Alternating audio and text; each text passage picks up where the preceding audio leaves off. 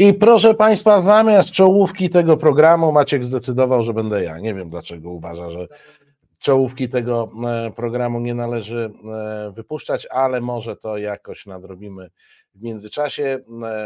19. E, Reset Obywatelski, czwartek, zatem bez wyjścia zaczynamy. Kłaniam się Państwu, Marcin Celiński z tej strony. Maćka już zdradziłem, że realizuje a producentką tego programu jest pani Joanna Bielecka-Jasiocha. Bardzo dziękujemy za wsparcie e, resetu i kłaniamy się e, nisko.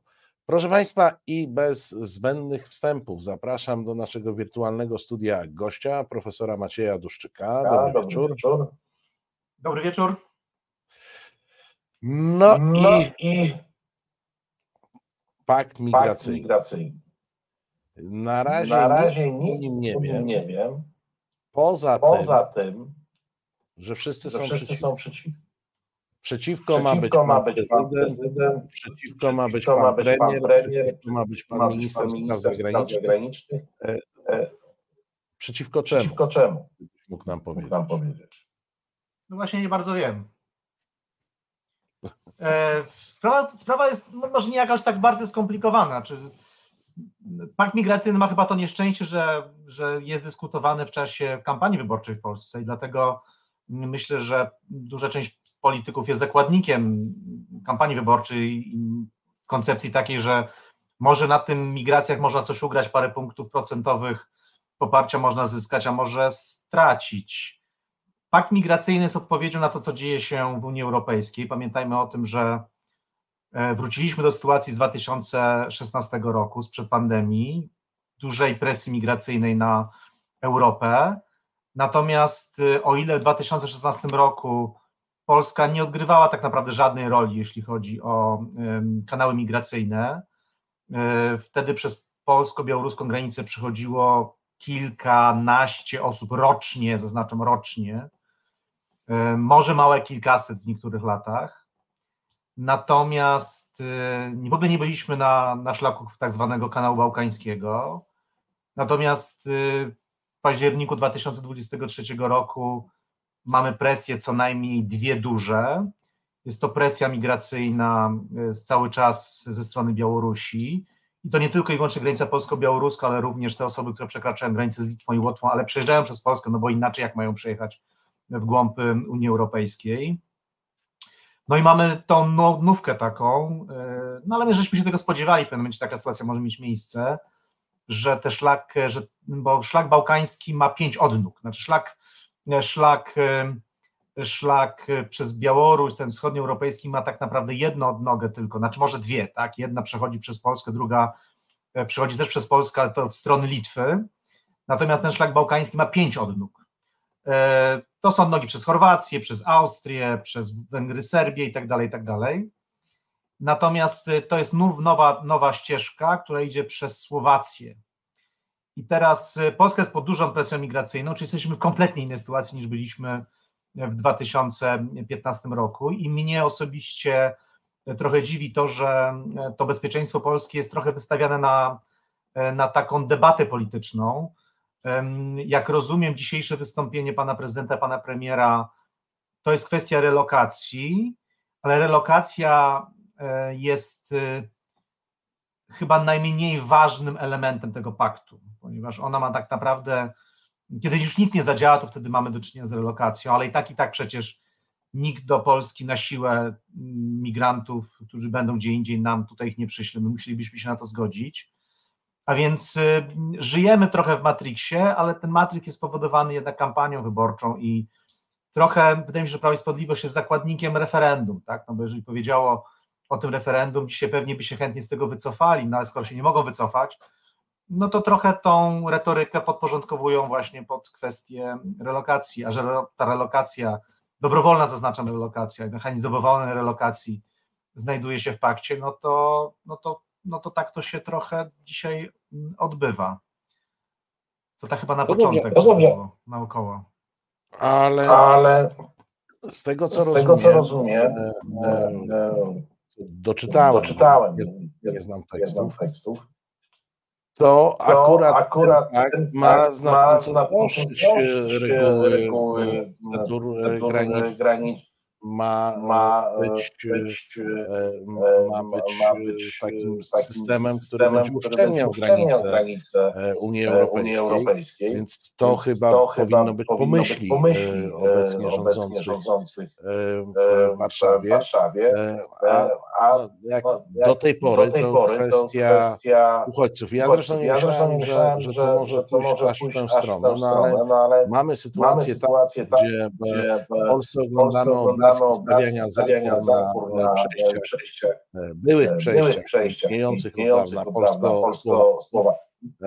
Z kolei na granicy zachodniej mamy mamy e, jakieś e, coraz częstsze wyrywkowe e, kontrole, które także zaczynają zaczynają tak, te granice te do, granice do, e, do stanu do stanu jednak jednak odmiennego od tego, od tego, tego którego e, którego byśmy się się e, przyzwyczaili. przyzwyczaili. Czy te, to Te- przymykanie granic granic wewnątrz Unii No. Europejskiej, e, to, to jest jakaś alternatywa dla wspólnego działania e, w, zakresie ochrony granic Unii Europejskiej? Tak, znaczy wydaje się, że wydaje się, że em, mamy do czynienia trochę z nową sytuacją właśnie wprowadzania kontroli granicznych na granicach Schengen, tylko że mamy dwa różne typy wprowadzania tych kontroli. Znowu muszę odwołać się trochę do technicznych kwestii. Polska skorzystała z odpowiedniego artykułu kodeksu granicznego Schengen i wprowadziła na 10 dni twardą kontrolę na granicy. to znaczy twarda kontrola. Twarda kontrola oznacza, że mamy e, strażników granicznych, policję na granicy i praktycznie każda osoba jest kontrolowana. Natomiast e, Niemcy na granicy z Polską, czy Słowacy na granicy, czy Czesi na granicy z Słowacją, czy Słowacy na granicy z Węgrami, prowadzają tak zwane miękkie kontrole, czyli w oparciu o pewnego rodzaju analizę e, szlaków migracyjnych, kontrolują tylko i wyłącznie te samochody, czy te e, tiry, w których istnieje duże prawdopodobieństwo, że tam mogą znajdować się migranci.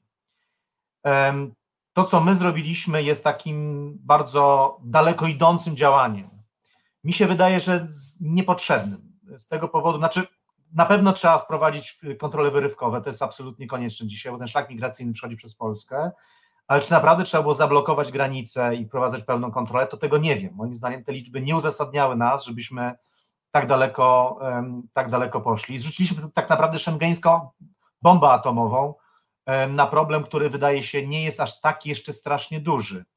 Na pewno trzeba zatrzymać ten kanał, na pewno tak, natomiast czy to jest najbardziej efektywny sposób, to mam tutaj obiekcję. Wydaje mi się, że można było mniejszymi kosztami i mniejszym zaangażowaniem Straży Granicznej czy służb uzyskać ten sam efekt. Natomiast to, co jest również istotne, to jeśli wrócimy na chwilę do paktu, pamiętajmy, że pakt to nie jest jeden akt prawny jakiś, który zbiera wszystko. Tam mamy kilkanaście aktów prawnych, tak zwanych twardych rozporządzeń, które tworzą europejską politykę migracyjną i azylową oraz kilka rozporządzeń technicznych, które jakby pokazują, w jaki sposób należy to wprowadzać. I teraz tam, tam relokacja to jest, tak jak już powiedziałem, mały, mały pinac. Na przykład mamy do czynienia z takim bardzo skomplikowanym rozwiązaniem, jak jest tak zwany screening na granicy. Screening na granicy polega na tym, że jeżeli już ktoś u nas jest, no to wtedy, wtedy na podstawie analizy my stwierdzamy jako Unia Europejska i nie ma znaczenia, czy ta osoba znajduje się na granicy polsko-białoruskiej, czy wylądowała na plaży we Włoszech, dokonuje się pewnej oceny, czy ta osoba ma możliwość ubiegania się o ochronę międzynarodową w Europie, czy też nie ma. Jeżeli nie ma, to zgodnie z tą polityką, która dzisiaj działa, na, zaczyna działać, na przykład jeśli porozumienie z Tunezją, to osoby będą bardzo szybko deportowane, odsyłane z powrotem do państwa pochodzenia lub do państwa tranzytowego. Jeżeli będzie czas, to jeszcze wrócimy, ja powiem mniej więcej, jak to, jak to wygląda. Jedynie niewielka grupa osób, do dzisiaj to się bardzo mocno zmienia, będzie miała prawo pozostać do, w, w Unii Europejskiej, ponieważ jej powrót do państwa pochodzenia oznaczałby jej śmierć lub na przykład długoletnie więzienie ze względu na poglądy polityczne. A dopiero taka osoba, jeżeli uprawdopodobni to, że ta ochrona międzynarodowa jej się należy, będzie mogła o tę ochronę międzynarodową się ubiegać. Od razu będzie sprawdzenie eurodakowe, czyli odciski palców, jak również uprawdopodobnienie historii tej osoby, żebyśmy nie popełnili jakiegoś błędu. Bo dzisiaj co mam, jak, jak mam, co mamy do, jak, jaką sytuację mamy do czynienia?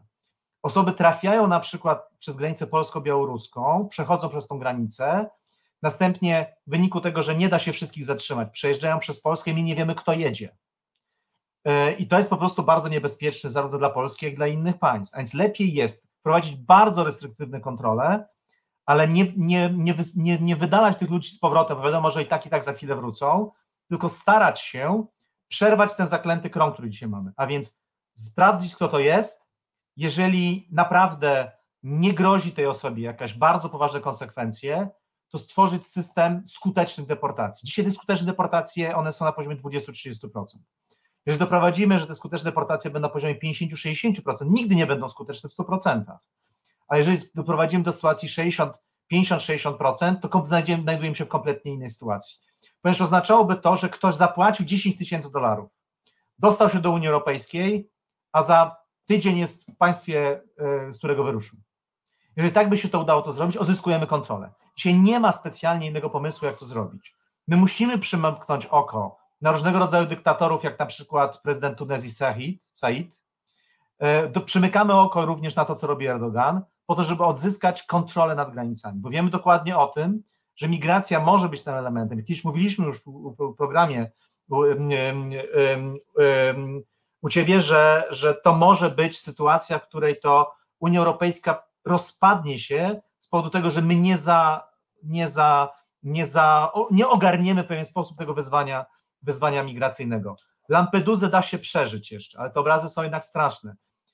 Możliwość grania opinią publiczną Unii Europejskiej przez różnego rodzaju dyktatorów typu Putin, typu Łukaszenka, typu Said, typu Erdogan, powoduje to, że w pewnym momencie opinia publiczna może tego nie wytrzymać i wymusi na politykach takie rozwiązania, które, które na tyle uruchomią tą lawinę, że Unia Europejska po prostu w pewnym momencie się rozpadnie, bo nikt już nie będzie widział tego wspólnego interesu. Więc dzisiaj pakt jest próbą ucieczki do przodu, żebyśmy nie uruchomili tej lawiny, która gdzieś już niedaleko nas jest. Rzuć mnie na, z powrotem, muszę zadać. No dobrze, tylko czy te wszystkie działania, o których, e, o których e, mówimy, i tu wchodzę bardziej na jeszcze bardziej polskie podwórko, no jaki mają sens, jeżeli gdzieś na targu w jakimś kraju można sobie kupić tę wizę? Tu trochę chcę przejść do tej naszej swojskiej afery a mianowicie procederu sprzedaży wiz e, bez szczególnej kontroli, to wydaje mi się, że jest e, zagrożenie. E, zresztą zauważają to rządy europejskie, zauważyła to Komisja Europejska. To jest zagrożenie, na które nie wymyślimy paktu migracyjnego. No bo jeżeli ktoś gdzieś dojdzie do wniosku, że sobie będzie zarabiał po 5 tysięcy dolarów, to po prostu wpuści do tej Unii Europejskiej dowolną liczbę do strefy Schengen, dowolną liczbę ludzi, których po prostu będzie na to stać. To będzie jedyne kryterium. Po co oni tu przyjadą, to będzie yy, zupełnie inna dyskusja, no bo oczywiście przy, przy całej e, rozmowie e, nie należałoby, należałoby cały czas pamiętać też o kwestii tego elementarnego bezpieczeństwa, bo to nie jest tak, że dzięki temu i to ja już nie mówię o Al-Kaidzie tak, i, i tym podobnych rzeczy, no ale po prostu w momencie, kiedy tracimy kontrolę nad tym, komu udzielana jest e, wiza, czyli pozwolenie do wjazdu do Unii Europejskiej, to tracimy bardzo poważny element bezpieczeństwa naszego wewnętrznego, każdego z krajów Unii. Znaczy, Marcin, znaczy pierwsza rzecz to jest to, że elementem niebezpieczeństwa, znaczy zachwiania bezpieczeństwa Polski jest to, że codziennie przez Polskę przejeżdżają osoby w samochodach przemytników, którzy nie są zidentyfikowani przez nasze służby. I to jest element niebezpieczeństwa. To się musi skończyć, ponieważ to w pewnym momencie będzie nam groziło jakimiś negatywnymi konsekwencjami. Co do afery wizowej, ona ma dwie, ona ma dwie kwestie, dwie odsłony, tak jak ja ją rozumiem. Po pierwsze, element korupcyjny na wcale nie musi być duża skala. To może być kilkaset, może kilka tysięcy wiz sprzedanych. Natomiast oczywiście tutaj zaufanie do polskiego systemu zostało nadwyrężone. Ale jednocześnie mamy inny problem.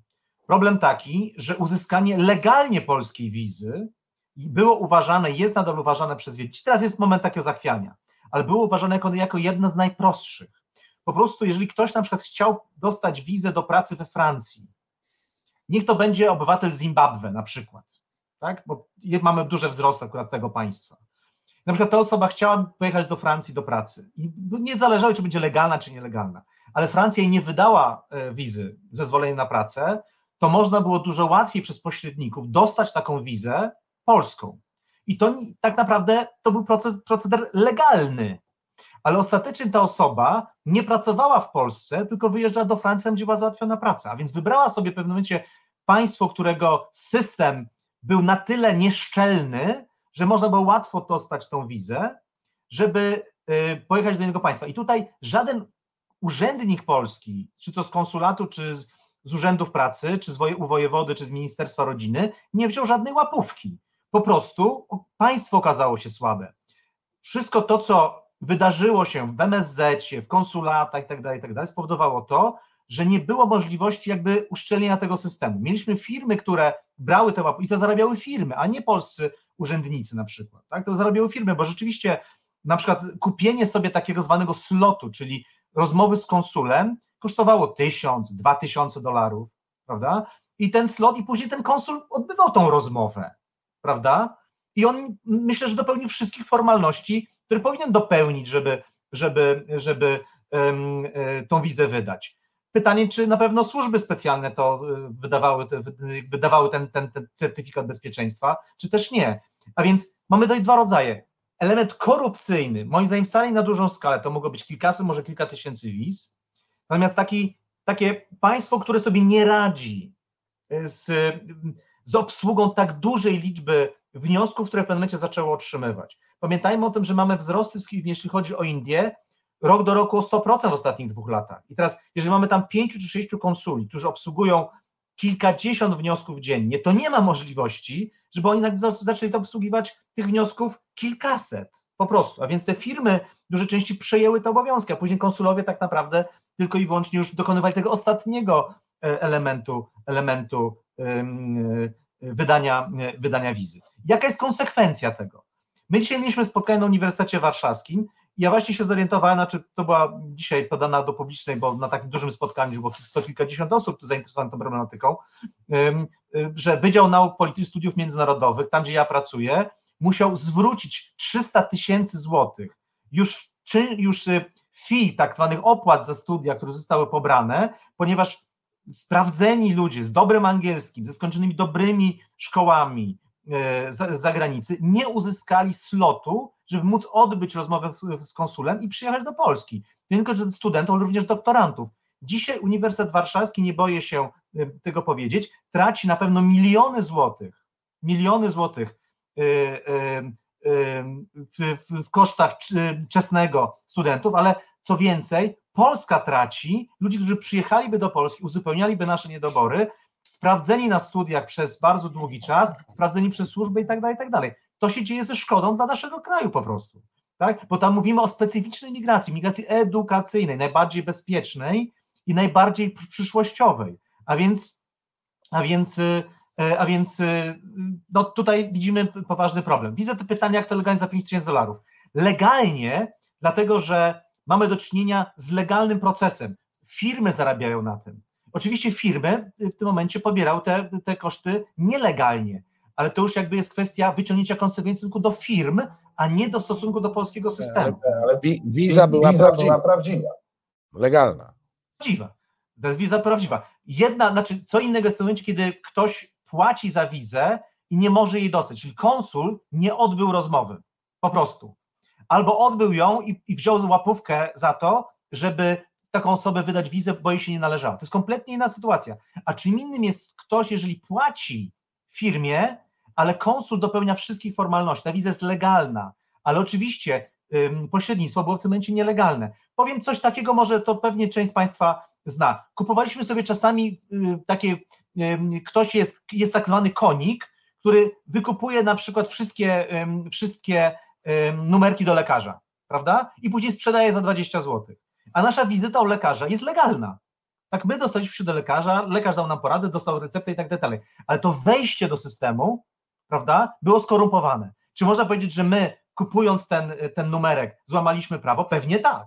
Ale czy to, że ta, ta, czy ta wizyta lekarska była nielegalna? Nie, była ona legalna. Tylko w związku z tym, że mamy tak zwane dobro rzadkie, znajdują się nieuczciwi pośrednicy, którzy korzystają z tego dobra rzadkiego. Po prostu tak, tak jest dzisiaj, jeśli chodzi, o, y, jeśli chodzi o politykę wizową. Czyli ja tutaj próbuję wytłumaczyć, jak ten proces jest. Naganne jest na pewno obydwa te systemy, natomiast korupcja, typowa korupcja, czyli konsul wziął kasę za to, że wydał wizę, moim zdaniem nie jest specjalnie duża, duża, ale mnie bardziej niepokoi to, że zaufanie do systemu wydawania wiz zostało podważone, bo wydawano wizy osobom, które, których celem nie był przyjazd do Polski, tylko inne państwo członkowskie Unii Europejskiej. I o to mają do nas pretensje inne państwa, że my żeśmy w taki sposób nie umieli dopełnić staranności w przypadku wydawania wiz. Słuchaj, a, Słuchaj, a... Bo, bo przez chwilę na poważnie. E, czy to, jak, jak mówisz o e, problemie, e, który, o, o którym dzisiaj rozmawialiście e, na uniwersytecie, no to nie wiem, czy to jest jakaś bardzo skomplikowane, żeby na przykład zrobić tak jak Amerykanie, którzy mają ileś tam rodzajów wiz. To czasami bywa kłopotliwe, bo jesteś przekonany, że masz wizę, możesz pojechać, a potem się okazuje, że E, ta wiza, co masz, to ona nie jest na studia, tylko na doktorat. I, i, i, to, i to zaczyna być problem. Ale oni mają ileś tych wiz. No i wiadomo, że wizę studencką e, do Stanów, jeżeli zakwalifikowałeś się na uczelnię, do, dostawało się zawsze dużo łatwiej niż wizę turystyczną chociażby. No przecież to jest, to, to wydaje się być system, który nie, nie przekracza przeciętnej inteligencji, żeby go stworzyć i na przykład wiedzieć, sam powiedziałeś, y, y, nazwałeś to emigracją edukacyjną, tak? Czy migracją edukacyjną. No, faktycznie ona jest najbezpieczniejsza. No, przyjeżdżają ludzie, którzy chcą zdobyć wykształcenie e, na takich czy innych kierunkach. No to ty mówisz jeszcze o Uniwersytecie Warszawskim, ale jak ja patrzę na choćby e, kierunki medycznych, medyczne na wielu uczelniach, tam jest mnóstwo e, studentów z krajów, którzy, które na pewno są poza Unią Europejską, tak? z krajów afrykańskich, azjatyckich, no to tam dopiero musi być e, problem, bo tam chyba te proporcje są inne. Na, naprawdę to jest coś, co by przerosło nasz MSZ, żeby na przykład wprowadzić wizę studencką, wizę doktorancką, inną niż wizę do pracy. Nie, no to jest oczywiste, ale Marcin, znaczy my żyjemy w sytuacji takiej, w której to państwo deklaruje niechęć do migrantów. To jest jeden z elementów założycielskich obecnego rządu. Ten rząd mówi o tym, jesteśmy antymigracyjni. O co prawda ta retoryka się zmieniła w ostatnich tygodniach czy miesiącach, ponieważ nagle okazało się, że jednak no, nie da się nie da się wybudować inwestycji orlenowskiej pod Płockiem bez imigrantów. Tak się okazało. Czyli ta retoryka została zmieniona. I teraz jakby to, co nie mówią niektórzy y, przedstawiciele rządu, mówią o tym, to nie są migranci, to są pracownicy. No ale zaraz.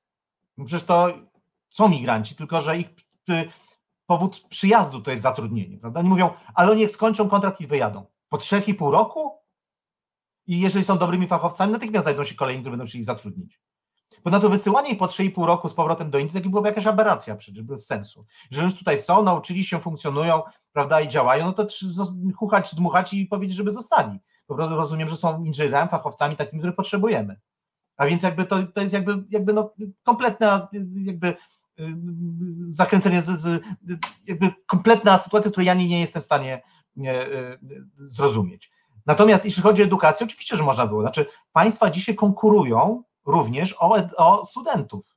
To jest dobro rzadkie. Dobry student, płacący jeszcze, integrujący się, później zostający w państwie, no trudno sobie wymarzyć lepszego klienta. Przyjechał, zintegrował się za swoje pieniądze, że zapłacił yy, czesne yy, uczelni. No przecież robią to Australijczycy, Amerykanie, nie tylko. Czesi robią to świetnie. Czesi robią to świetnie, prawda? Ja już nie mówię o tym, że będziemy Australią, ja już nie mówię, że będziemy Stanami, Wielką Brytanią, ale Czechami to jednak możemy być prawda? Jeśli patrząc na, patrząc na politykę, no przecież to bez przesady, prawda? I teraz, i teraz e, o studiach medycznych.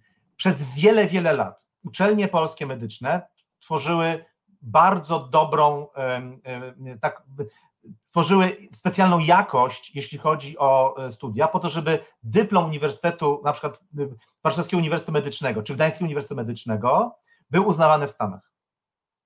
I jeżeli jest uznawany w Stanach, to wiadomo, że liczba chętnych na te studia jest bardzo duża. I dobrze, prawda? To dziś mieliśmy taki element, czy, czy przypadkiem my przez to, że szkolimy cudzoziemców, to nie, nie zmniejszamy potencjału e, dla, dla studiów dla Polaków, prawda? No to jest pewien dylemat. Ale świetne uniwersytety, wszędzie uznawane dyplomy i super. Ale teraz znów do część tych studentów, którzy zrekrutowali się na pierwszy rok, nie przyjadzie, bo nie dostaną okienka konsula, prawda? Czyli tutaj już będzie jakiś problem, znaczy już ten, te, te, te dochody tych uniwersytetów, które później są na przykład kierowane na badania, różne rzeczy, zostaną utracone, prawda? A więc to jest problem. Wiza studencka jest jedną z najprostszych wiz. Wystarczy w tym całych slotach, które są, wyodrębnić 10% dla osób, które są, chcą, chcą uzyskać wizę studencką, tak jak w Stanach, prawda? Czym innym jest dostać wizę B12, a czym innym jest wizę A1, A2, prawda? To są dwie różne rzeczy. Jeżeli ja mam wizę B12, to dużo szybciej wejdę i dużo szybciej inne troszkę dokumenty muszę przedstawić, ale to jest kompletnie inna wiza, prawda? To jest wiza naukowa na prowadzenie badań, doktoratu i tak dalej, i tak dalej. Więc jakby to, to musimy sobie, musimy sobie to, jest, to, jest, to jest żadna filozofia. Tylko wyobraźmy sobie sytuację, że minister Czarnek zgłasza się do Ministerstwa Spraw Zagranicznych i mówi o tym, panie ministrze, musimy opracować metodę, metodę e, e, wiz studenckich dla cudzoziemców, ponieważ to będzie w interesie polskiego systemu edukacyjnego i uczelni wyższych. Ja sobie nie wyobrażam czegoś takiego. Nie wyobrażam sobie czegoś takiego, ponieważ, tak jak powiedziałem, jednym z elementów założycielskich obecnego rządu jest antymigracyjne podejście. Zobaczcie Państwo, co się wydarzyło z tym rozporządzeniem, które w pewnym momencie otwierało to, to takie rozporządzenie, które kiedyś zwrócił uwagę Donald Tusk i później zostało natychmiast wycofane, tam gdzie był podpisany również pan minister Wawrzyk. Tak? Po tym, to było niezłe rozporządzenie. Naprawdę. I uważam, że to było naprawdę niezłe rozporządzenie, które z punktu widzenia, gdybyśmy mieli domknięty system, sensownie domknięty system i zaufanie do konsuli, i zaufanie i dobrze podpisane umowy z tymi firmami, to naprawdę by nam to ułatwiło dużo spraw. Naprawdę ułatwiłoby nam dużo spraw. Ale ze względu na to, że ten mit założycielski, antymigracyjny przez to rozporządzenie padł, to zostało wycofane. Ja się teraz zastanawiam, że dobrze zostało wycofane, bo nie znałem skali problemów z firmami pośredniczącymi. I to rzeczywiście dobrze, że było je wycofać, bo gdyby ono było przy tej skali właśnie problemu z tymi firmami pośredniczącymi, to moglibyśmy sobie zrobić krzywdę. A więc jeżeli mamy dobrze funkcjonujący system, dobrze podpisane umowy, tak jak mają to Czesi, Francuzi, Niemcy, Holendrzy, yy, Słowacy, Węgrzy i tak dalej, tak dalej, to wtedy to niebezpieczeństwo nadużycia systemowego jest dużo, dużo, yy, dużo, dużo mniejsze. Jesteśmy w Matrixie. Jesteśmy w Matrixie. Mamy, jeśli chodzi o politykę migracyjną, mamy kompletny chaos. Mamy sześć chaosów dzisiaj, jeśli chodzi o migrację, które ktoś, mam nadzieję, po wyborach będzie musiał posprzątać. E, nasi Nasi przyjaciele e, z, rządu wydali nawet teraz taką gazetkę. Ona ma namawiać do głosowania nie e, w referendum. E, no I oczywiście omawia też to pytanie, to pytanie uchodźców o, o, o zatrzymanie. Natomiast jakbyś powiedział naszym widzom, bo jesteśmy epatowani obrazkami z Lampeduzy. E, I one, one są straszne, tak? To znaczy, ja rozumiem, że w zależności od poglądów na migrację w ogóle one mogą być różnie od, odbierane, ale chyba wszyscy widzą, że one są, że one są straszne. Żebyśmy to sprowadzili do jakichś wartości wymiernych. Ta migracja, która jest na, w strefie Morza Śródziemnego, versus ta migracja, która próbuje tutaj zrobić sobie te kolejne szlaki przez Europę Wschodnią. Nie mówię tylko o Białorusi, ale także o tych szlakach bałkańskich, o których mówiłeś.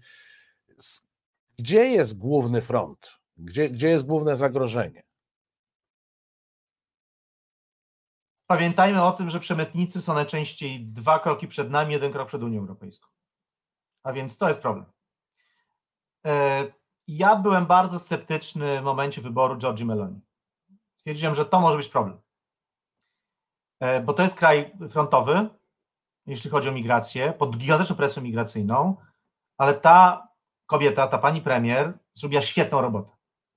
Kiedy pojawiła się Lampedusa, natychmiast uruchomiła Unię Europejską. Zadzwoniła do e, van der Leyen i powiedziała: Przyjeżdżaj, to nie jest mój problem, to jest problem całej Unii Europejskiej. dzisiaj Włosi są największym wygranym tego paktu migracyjnego, ponieważ ten pakt migracyjny został skrojony pod nich. Ja bardzo żałuję, że my nie zrobiliśmy bardzo podobnej rzeczy, żeby ten pakt również uwzględniał nasze dwie presje migracyjne, tą polską, tą strony Białorusi, bo, bo Szanowni Państwo, my jesteśmy naprawdę cały czas pod presją i to jest jedyny kanał migracyjny czysto upolityczniony. My naprawdę nie kontrolujemy tego, co zrobił Łukaszenka i nie możemy nawet z nim gadać, prawda, żebyśmy jakokolwiek mogli tutaj się e, porozumieć. Natomiast żałuję, że, że my skupiamy się na relokacji, a nie skupiamy się na to, żeby uwzględnić nasze problemy na granicy polsko-białoruskiej i szlak z Litwy, Łotwy i również ten słowacki, prawda? To powinno być element e, na naszej, e, naszego, naszego, naszego priorytetu. Lampedusa jest problemem. Lampedusa jest problemem, ponieważ tacy wataszkowie jak na przykład prezydent Said mogą nas szantażować. Dlatego pakt migracyjny jest elementem odzyskania kontroli, żeby nas nie mogli szantażować. To nie będzie proste. Pakt migracyjny zacznie działać za dwa lata. Ale jeżeli bycie nie podejmiemy decyzji, to za dwa lata będziemy w kompletnie innej sytuacji. Musimy niestety nagiąć nasze prawa człowieka, odsyłać osoby, których może byśmy jeszcze dwa lata temu nie odsyłali, ale pod taką presją jesteśmy. Do tego trochę doprowadziliśmy, niestety, błędnymi decyzjami, również Angeli Merkel. To się zaczęło trochę wtedy. Wir schaffen das, damy radę. Prawda? A więc to był, to był, to już też pewien błąd założycielski wtedy. E, pandemia trochę to wstrzymała, wydawało nam się, że jest ok, odzyskaliśmy kontrolę. Nie. I do tego dzisiaj Lampedusa jest na pewno problemem, ponieważ takie obrazki one nie tylko i wyłącznie kiedyś budziły litość, dzisiaj budzą strach przed migrantami. Jeżeli jeszcze politycy i media to napędzają, to się okazuje, że my zaczynamy się bać kilku tysięcy migrantów na Lampedusie. No strasznie słabą jesteśmy wspólnotą, skoro kilka tysięcy osób może nas tak strasznie wystraszyć. Ale politycy to rozumieją. Politycy to rozumieją, bo widzą procesy społeczne, które się dzieją. Badacze to rozumieją. Ja mówię od mniej więcej od półtora roku prawdopodobnie o tym, że musimy zmienić podejście. Mam, opracowałem 10-punktowy plan, jak, jak, jak poradzić sobie na granicy polsko-białoruskiej, prawda? Jak zeuropeizować problem, jak zaangażować Unię Europejską, jak wykorzystać politykę handlową Unii Europejskiej, politykę zagraniczną, politykę wizową, wiza za wizę, wiza za deportację. Tak? To są brutalne rozwiązania, sobie zdaję z tego sprawę, ale inaczej my nie odzyskamy kontroli. Nie odzyskamy kontroli. Nie odzyskując kontroli, naprawdę grozi nam e, Unia Europejska. Oczywiście, e, kanały legalnej migracji są tutaj oczywiste ale musimy zaproponować coś konkretnego. Proszę zwrócić uwagę, że błędem było to, co zrobiliśmy z Turkami.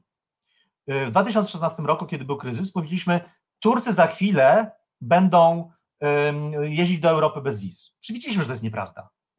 Znaczy ja na pewno byłem pewny, że to tak, że to nie nastąpi. Czyli dzisiaj to wiarygodność jest, bo możemy powiedzieć nagle, że Tunezyjczycy będą jeździć do, do Polski bez wiz, do Unii Europejskiej bez wiz, prawda? Wiem o tym, że to nie jest prawda, ale wiza za wizę już ma sens.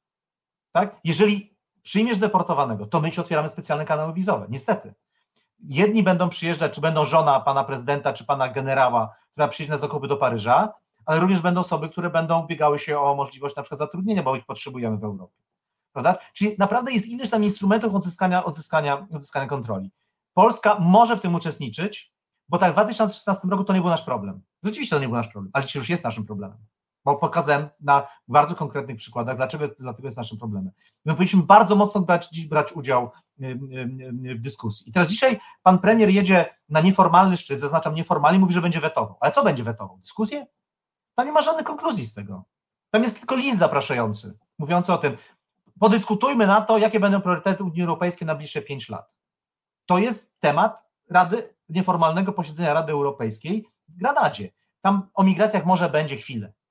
Pewnie będzie, no bo to jest rzeczywiście jedno z pięciu czy sześciu wyzwań tam skazanych w tym liście, prawda? Ale kwestie energetyczne, klimatyczne będą, gospodarcze, tak? Co zrobić z Rosją? Tak? To będą też główne tematy, które tam będą dyskutowane, prawda? Migracje będą, ale, ale ja nie wiem, czym jedzie pan premier do końca na ten szczyt, jeśli chodzi o migrację. Rozumiem, że powie o tym, nie podoba mi się do, do podejście do migracji prezentowane przez obecną Komisję Europejską. Okej, okay, ja to rozumiem. Może się nie podobać, ale co zamiast? Gdzie jest ten plan nasz, gdzie jest ta inicjatywa polska i węgierska, mówiąca o tym, w jaki sposób Unia Europejska ma stanąć naprzeciwko presji migracyjnej? Gdzie jest ten plan? Jak ja bym go zobaczył, to bym go popatrzył i powiedział, tu jest dobry pomysł, tu jest zły pomysł, itd. Ale ja tego planu nie widziałem. Na razie naszym planem jest to, blokujemy. Ale co blokujemy? Włochów? No bo w tym momencie blokowanie paktu znaczy blokowanie Włochów.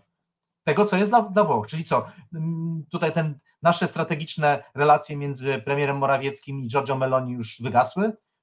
Szanowni Państwo, nie rozumiem.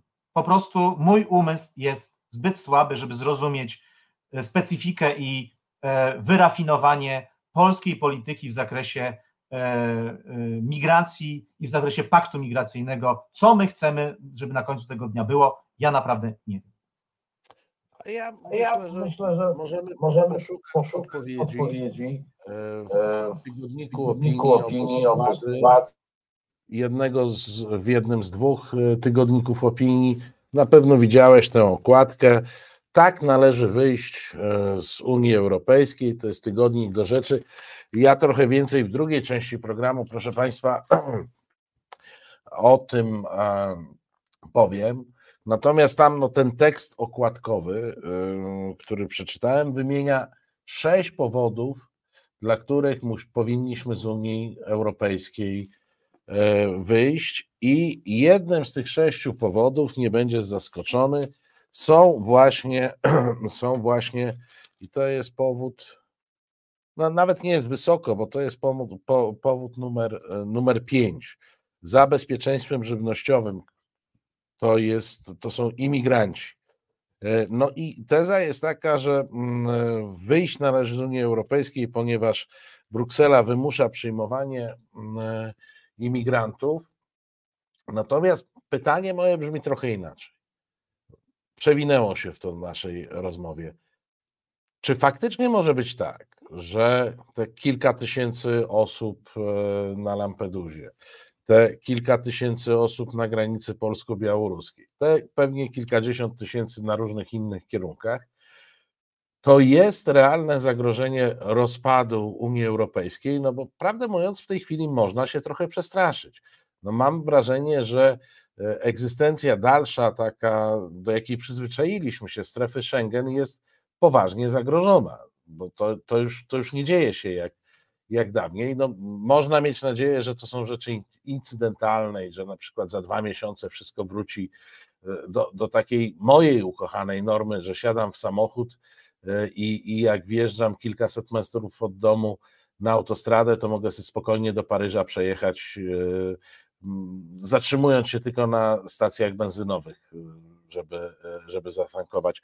Czy, czy, jak to oceniasz? Czy, czy to jest problem, który może rosnąć w ten sposób, że będzie rozsadnikiem Unii Europejskiej i będzie działała na korzyść tych wszystkich, którzy tą Unię po prostu chcą rozwalić? Polska pod presją migracyjną powinna być jak najbardziej zainteresowana tym, żeby być w Unii Europejskiej. Zauważcie Państwo, co by było, gdyby 24 lutego 2022 roku nie było Schengen i nie została uruchomiona dyrektywa o ochronie tymczasowej. Przez Polskę przyjechało 7 milionów osób. Zostało milion. Wyobraźmy sobie teraz, że musimy, że Niemcy zamykają granice. I co wtedy? Wtedy byśmy się zastanowili, tak naprawdę, byśmy sobie poradzili. A co będzie wtedy, kiedy Łukaszenka z Putinem będą chcieli zrobić gigantyczną presję i ściągną 20 tysięcy migrantów z różnych państw, nawet im za to płacąc, po to, żeby ruszyli na granicę. I wtedy jesteśmy sami. Zestabilizowaną Ukrainą, bo na razie przecież to państwo nie będzie szybko, nie, nie będzie tak stabilne, chociaż ja jestem pełny podziwu dla Ukraińców, bo z takich naszych badań, przepraszam, taki absolutnie e, taki margines, na marginesie coś powiem, z takich naszych badań, mamy takie duże badania Ukraińców w Polsce, jedna trzecia kobiet deklarujące aktywność ekonomiczną pracuje w Ukrainie zdalnie. To państwo działa. To państwo, mimo tego, że daje daninę krwi, działa. I to jest niesamowite. Jakby element przeżycia tego państwa jest naprawdę fenomenalny. Natomiast nie oszukujmy się, to państwo będzie przez wiele, wiele lat z dużymi problemami. A więc mając, mając tutaj zdestabilizowaną Ukrainę, bardzo niepewną Białoruś, bo jeżeli Rosja się zdestabilizuje, obyś tak się stało, na pewno to będzie, wybije gdzieś, też dotknie to Białorusi. I co wtedy? Jeżeli będziemy mieli kilkaset tysięcy Białorusin uciekających przed rosyjskimi czołgami na przykład, czy białoruskimi czołgami, prawda? Więc my naprawdę musimy trochę myśleć nie o jutrze, tylko również to będzie za, za dwa czy trzy lata. I teraz, jeżeli my nie uczestniczymy w tym procesie, to w pewnym momencie, jeżeli to się wszystko rozpadnie i na przykład za dwa lata Schengen zostaną prowadzone kontrole graniczne w normalnym świecie i nie będzie solidarności i nie będzie dyrektywy o ochronie tymczasowej i nie będzie ochrony międzynarodowej, każde państwo będzie działało na własną rękę, to co wtedy? Tak? Ja nie, może nie, nie wieszczę rozpadu Unii Europejskiej, tylko w scenariuszu negatywnym dla Polski, który wcale nie jest taki nie niemożliwy, my zostaniemy sami. I co wtedy? Jak sobie z tym poradzimy? Ja nie mam pojęcia. Tak naprawdę, z punktu widzenia warunkiem sine qua non prosperity Polski, a również bezpieczeństwa Polski jest bycie w Unii Europejskiej, bycie w NATO.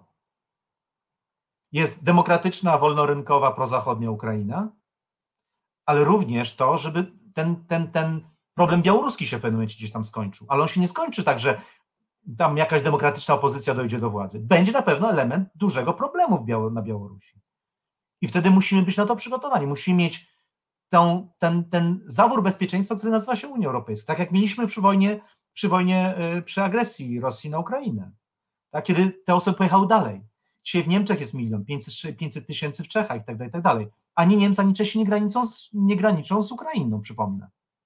Prawda? A więc tutaj na, nastąpiła relokacja. To, czy próbuje, to, to, to, czy próbuje zabrać, nastąpiła dobrowolna relokacja. Ci ludzie pojechali tam i zostali przyjęci. Nie, nie powiedziano, nie wolno wam. Proszę wracać do Polski, bo to jest pierwszy kraj bezpieczny.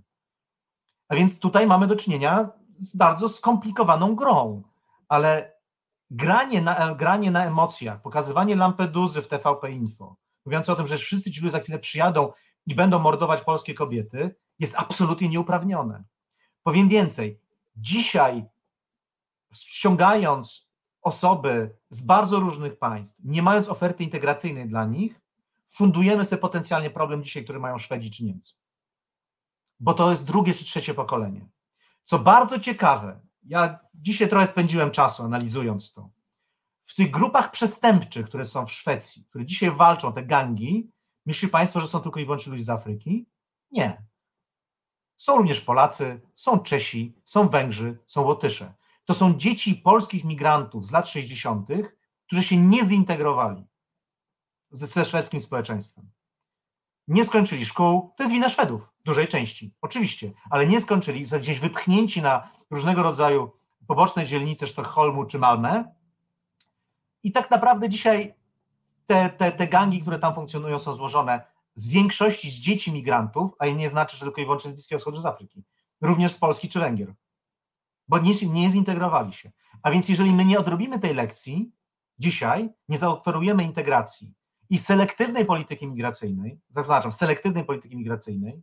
Sam napisałem książkę w 2016 roku, e, gdzie mówiłem o selektywnej, o konieczności selektywnej polityki migracyjnej, to, to, to naprawdę będziemy, będziemy powtarzać te błędy. A więc to, co dzisiaj robi rząd Prawa i Sprawiedliwości, nie przyznając, że jesteśmy krajem imigracyjnym z trzema milionami migrantów i bez oferty integracyjnej powoduje to, że za ileś tam lat, nie jutro, nie pojutrze, nie za pięć lat, ale za ileś tam lat może być, może być dla nas poważny problem. To nie ci ludzie z Lampeduzy. Ich dzieci, niezintegrowane ich dzieci, czy ich wnukowie będą stanowić potencjalny, potencjalny problem. Ale chciałbym jeszcze jedną rzecz powiedzieć. Nie dajcie sobie Państwo wmówić e, jakimkolwiek przekazie, że ktokolwiek z Lampeduzy na siłę zostanie tutaj przeniesiony do Polski. Polska musiałaby się na to zgodzić. Polska musiałaby się na to zgodzić. Jeżeli się nie zgodzimy na to, to nikt do nas nie trafi. Nie ma takiego mechanizmu. Jak miałoby to wyglądać? Sam autobus z Niemiec się przedrze do Polski i zostawi te osoby w Słubicy? W Słubicach? Czy co, samolot wyląduje w Warszawie, ci ludzie wysiądą na lotnisku Okęcie czy Modlinie i, i tamten szybko odleci, żebyśmy, żeby nie wsiedli z powrotem? No wiecie Państwo, no to tych techniczne rzeczy, no, no błagam, no trzeba to po prostu jakby, no w pewnym momencie trzeba stanąć prawdzie odpowiedzieć sobie na bardzo proste pytanie. Jak ma się to technicznie stać? Jak mają ci Niemcy nam tych migrantów z Lampeduzy podrzucić? Ja nie wiem. Technicznie. No jak ma się to stać? Prawda? Jeżeli wyrazimy zgodę to wtedy tak będzie. Ale nie ma nikt, ale nie, ja nie znam partii politycznej, która by chciała na to wyrazić zgodę. I jeszcze ostatnie, jak mogę. Wpadłem w jakiś monolog, przepraszam bardzo, ale Marcin, przerywaj mi w razie czego, jeżeli potrzeba. Ale jeszcze jest jedna, jedna, jedna rzecz. Otóż ten, ten, ten, ten, te, te 20 tysięcy euro, które jest zapisane w pakcie, to nie jest kara. To jest element udziału solidarnościowego w europejskiej polityce migracyjnej, bo ona po prostu kosztuje. I proszę zwrócić uwagę na słynne wystąpienie Jarosława Kaczyńskiego 2016 roku, który powiedział bardzo sensownie. Ja byłem, ja byłem pewnym, tak, to jest bardzo dobre stanowisko. Wtedy powiedział następującą rzecz. My nie, nie jesteśmy w stanie przyjąć tych imigrantów, bo nie mamy sieci migracyjnej, bo nie mamy y, polityki migracyjnej, bo nie jesteśmy państwem migracyjnym, nie przyjmiemy ich, ale możemy w ramach naszych funduszy wesprzeć inne państwa stojące pod presją migracyjną finansami. To, co leży na stole, jest spełnieniem postulatów Jarosława Kaczyńskiego z 2016 roku. Tylko teraz nie można tym zagrać. I dlatego Może- się prawdopodobnie może- zmieniło. Może trzeba go wtedy łapać za, e, za słowo i szybko wprowadzać, a tu lata minęły i mamy inną mądrość, mądrość etapu e, w 2023. Maćku, bardzo Ci dziękuję za tę e, wizytę w studiu. Dziękuję, że znalazłeś, znalazłeś czas. Wiem, że Wiem, jesteś, że jest- e, że jesteś koszmarnie zajętym człowiekiem i myśmy się umawiali dwa tygodnie, chyba ponad dwa tygodnie e, na tę e, rozmowę, ale warto było. Proszę Państwa, Państwa i moim gościem, Gościem był- profesor Maciej Duszczyk. Bardzo dziękuję. To ja również bardzo dziękuję za zaproszenie. Przepraszam, to tyle trwało, ale, e, ale no rzeczywiście sporo się, sporo się dzieje. Em, Na szczęście Ośrodek Badań Migracjami, który reprezentuje również Wydział Nauk Studiów Międzynarodowych, e, na szczęście w Ośrodku Badań Migracjami, kiedy, kiedy zakładaliśmy go, było nas 15 osób, dzisiaj Szanowni Państwo, 170 świetnie wykształconych, przygotowanych ludzi do tego, żeby e, pomóc e, jednemu czy drugiemu rządowi, obojętnie kto to będzie. Jeżeli tylko będzie chciał skorzystać z naszej, z naszej wiedzy, jesteśmy gotowi się dzielić tą wiedzą. E, Również takim doświadczeniem badań w Afryce. E, To jest unikatowa wiedza. Mamy zespół ludzi, którzy mają unikatową wiedzę na szlaków migracyjnych w Afryce. E, Korzystają z nich Włosi, korzy- korzystają z nich Hiszpanie. Mam nadzieję, że po 15 października również jakiś rząd będzie chciał skorzystać z wiedzy e, tych ludzi. Ja akurat się na tym nie do końca znam, ale są ludzie, którzy poszczególnych szlakach migracyjnych są świetnie przygotowani. Przepraszam za taką chwilę reklamę, ale ten ośrodek jest to jeden z trzech w Europie referencyjnych ośrodków badań migracyjnych. Do, dochropaliśmy się czegoś takiego. Naprawdę jest to absolutnie topowy ośrodek badawczy. 70, my dzisiaj mamy, przepraszam, 70 osób, ale mamy 8 projektów europejskich. Nie ma żadna instytucja, żaden instytut y, badań społecznych w Polsce nie ma siedmiu, e, siedmiu projektów finansowanych z programu Horizon. My chyba jesteśmy jedynym ośrodkiem, który więcej wkłada, e, wkłada do budżetu, em, e, budżetu edukacyjnego z pieniędzy europejskich niż wyjmuje. Prawda? A więc to jest jakiś, jakiś fenomen. Przepraszam, że taką chwilę, chwilę autoreklama, ale naprawdę jest potencjał, żebyśmy sobie spokojnie tym poradzili e, i mam nadzieję, że po 15 rządzący będą chcieli skorzystać z naszej wiedzy. Bardzo dziękuję. Bardzo Ci dziękuję. E, jeszcze raz, profesor Maciej Duszczyk i jak e, sam powiedział, e, mamy potencjał, potencjał także ten merytoryczny, naukowy w, ośrodku, trzeba z niego tylko skorzystać.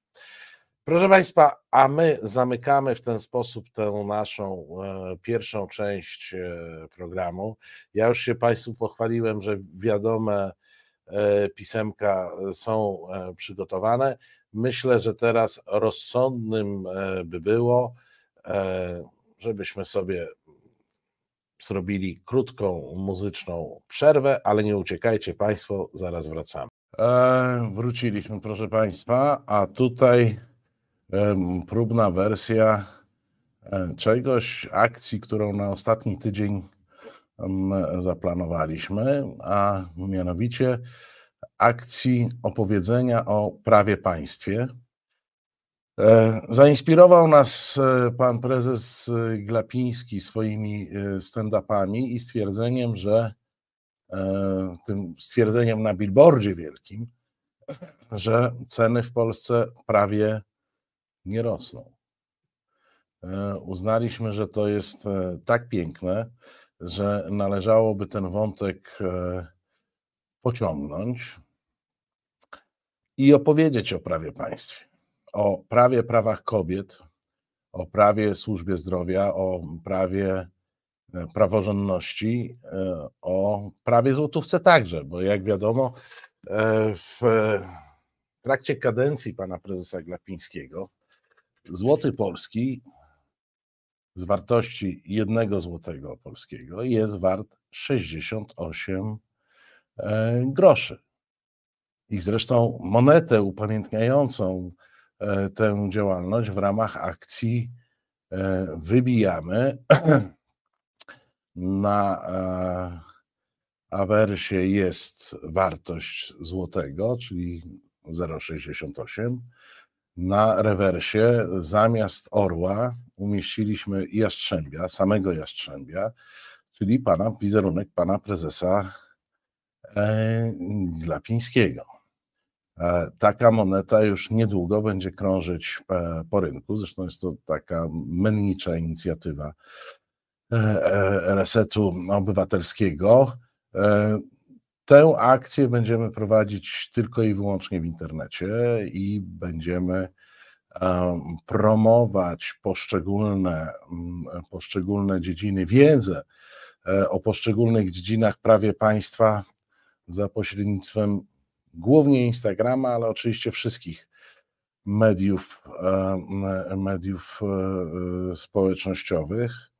E, do tej akcji też nie będę ukrywał. Zachęcamy Państwa do tego, żeby ją wesprzeć jakąś tam rzutkę na koszta reklam e, kupowanych e, w, w mediach społecznościowych.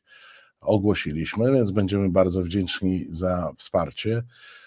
To jest e, kolejna w ostatnich miesiącach akcja, w której uczestniczy mm, Reset Obywatelski, czy w której uczestniczy Fundacja Arbitror. Staramy się jak najszerzej do różnych ludzi e, trafić e, z prawdą.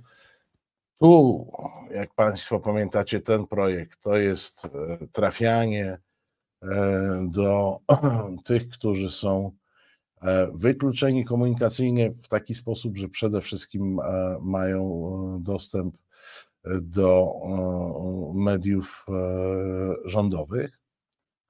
I 100 tysięcy już jest w Polsce. Tam w magazynie już mamy, e, mamy pusto. E, natomiast e, akcja, o której teraz mówimy, to mówimy o tych, którzy po prostu nie korzystają z innych mediów jak media społecznościowe, co jest do, coraz większa grupa Polek i Polaków, szczególnie tych poniżej 40 czy poniżej 35 roku życia, którzy, jak wskazują badania, nie używają e, żadnych mediów tradycyjnych albo sporadycznie. E, nie mm, sami jakby zdecydowali o tym, że nie korzystają z telewizji, nie korzystają e, z radia, natomiast żyją w mediach społecznościowych, stąd ten pomysł na ostatni tydzień przed E, przed wyborami, żebyśmy opowiedzieli o prawie państwie, e, jakie w Polsce mamy. Mm, mam nadzieję, że z Państwa e, wsparciem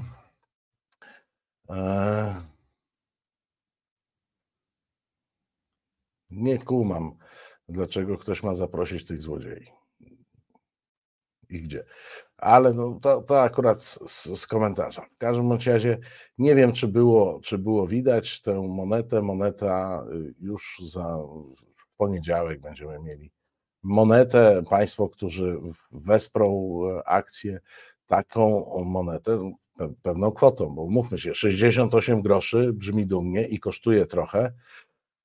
E, taką monetę otrzymają, ale otrzymają też e, i będziemy szukać wszelkich sposobów, żeby ją wręczyć panu prezesowi Glapińskiemu w uznaniu dla jego zasług, dla obniżenia wartości polskiego e, złotego. Ale jak mówię, akcja będzie mówiła o prawie państwie jako takim, o bardzo wielu rzeczach. My o nich często w resecie, znaczy w zasadzie ciągle w resecie mówimy o tym, że mamy prawie służby specjalne, E, że ma, mieliśmy mm, prawie Ministerstwo Cyfryzacji, tak, mieliśmy prawie respiratory gdzieś e, po drodze, mieliśmy prawie walkę z COVID-em, różne rzeczy żeśmy mieli prawie. Coraz mniej zostało takich dziedzin życia, a w zasadzie w sferze publicznej trudno znaleźć jakąkolwiek, e, co do której można by było powiedzieć, że, mm, e, że działa w pełni. Że działa w pełni. Wszystko jest prawie. Wszystko się nawet nazywa tak, jak należy. Mamy Ministerstwo Zdrowia, nie mamy służby zdrowia. Mamy Ministerstwo Sprawiedliwości, nie mamy sprawiedliwości. E, mamy Ministerstwo Spraw Zagranicznych, nie mamy polityki zagranicznej. E, wszystko jest prawie. Wszystko jest prawie. E, to tyle a propos tej, tej akcji. No i proszę Państwa, zanurzmy się w odmęty prasy wiadomej. To jest, proszę Państwa, tego tygodniowe mm, wydanie do rzeczy. Jak Państwo wiedzą, to jest moje ulubione e, pismo e, pisowskie. Jakkolwiek ono ostatnio to jest takie pisowsko e, konfederacyjne i to jest pismo, w którym od dwóch lat, jak istnieje ten program, zawsze się powie, tutaj zawsze są pierwsze pisowskie pomysły polexitowe, to one się tutaj muszą znaleźć, ogrzać trochę i potem stają się e, częścią programu, programu partii. No proszę Państwa, co można powiedzieć o tej okładce? E, tak należy wyjść z Unii Europejskiej. To jest temat okładkowy pisma do rzeczy, a ja może, a ja może Państwu czasami wspominam o tym, kto finansuje E, te pisma, e, ale pokażmy, kto sfinansował ten konkretny numer, czyli sponsorów do rzeczowego polexitu. Po, po, pokażmy. Ja ich wynotowałem e, wszystkich.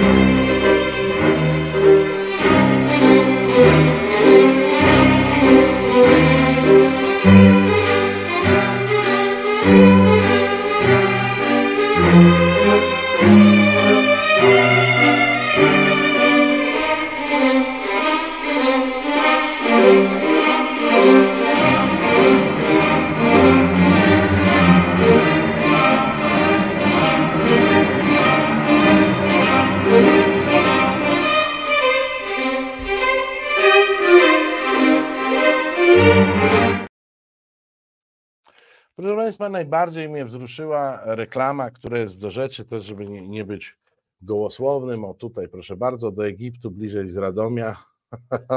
Znamy autora, ciekawe ile wziął e, za copywriterstwo.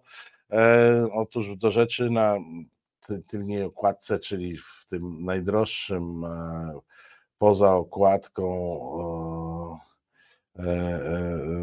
poza okładką mm, miejscu, reklamuje się z całą pewnością bardzo dochodowe przedsiębiorstwo, które ma rekordowe zyski, a dzięki tej reklamie będzie miało jeszcze większe zyski, tylko czyli lotnisko Warszawa Radom. Tak, proszę Państwa, lotnisko Warszawa Radom E, jest jednym ze sponsorów tego numeru. A poza tym, jak widzieliście Państwo, e, sponsorami są Lasy Państwowe, Ministerstwo Sprawiedliwości, Fundusz Sprawiedliwości, e, co tam jeszcze było? NBP, tak, tak, tak, NBP, to proszę Państwa też jest w tygodniku do rzeczy, żeby nie było, że, że go nie ma. I jest ten Alior Bank. Pan, pan Srebrny Art pyta, to Alior Bank też jest już pisowski. A to proszę pana, Google e, polecam, żeby sprawdzić, kto jest właścicielem e, Alior Banku i umówmy się, że to jest bank taki niecałkiem prywatny e, pod wieloma względami. Na co jest rzutka? No przed chwilą długo mówiłem, na akcję informacyjną o prawie państwa prawie państwie. Moneta, wbrew temu, co pisze Srebrny Art, jest tylko symbolem tej akcji, a nie, nie jej e, celem. No właśnie, Charlie od razu, e, Charlie Belt od razu dodaje, Alior należy do PZU. No i, i o co chodzi? I o co Państwo pytacie?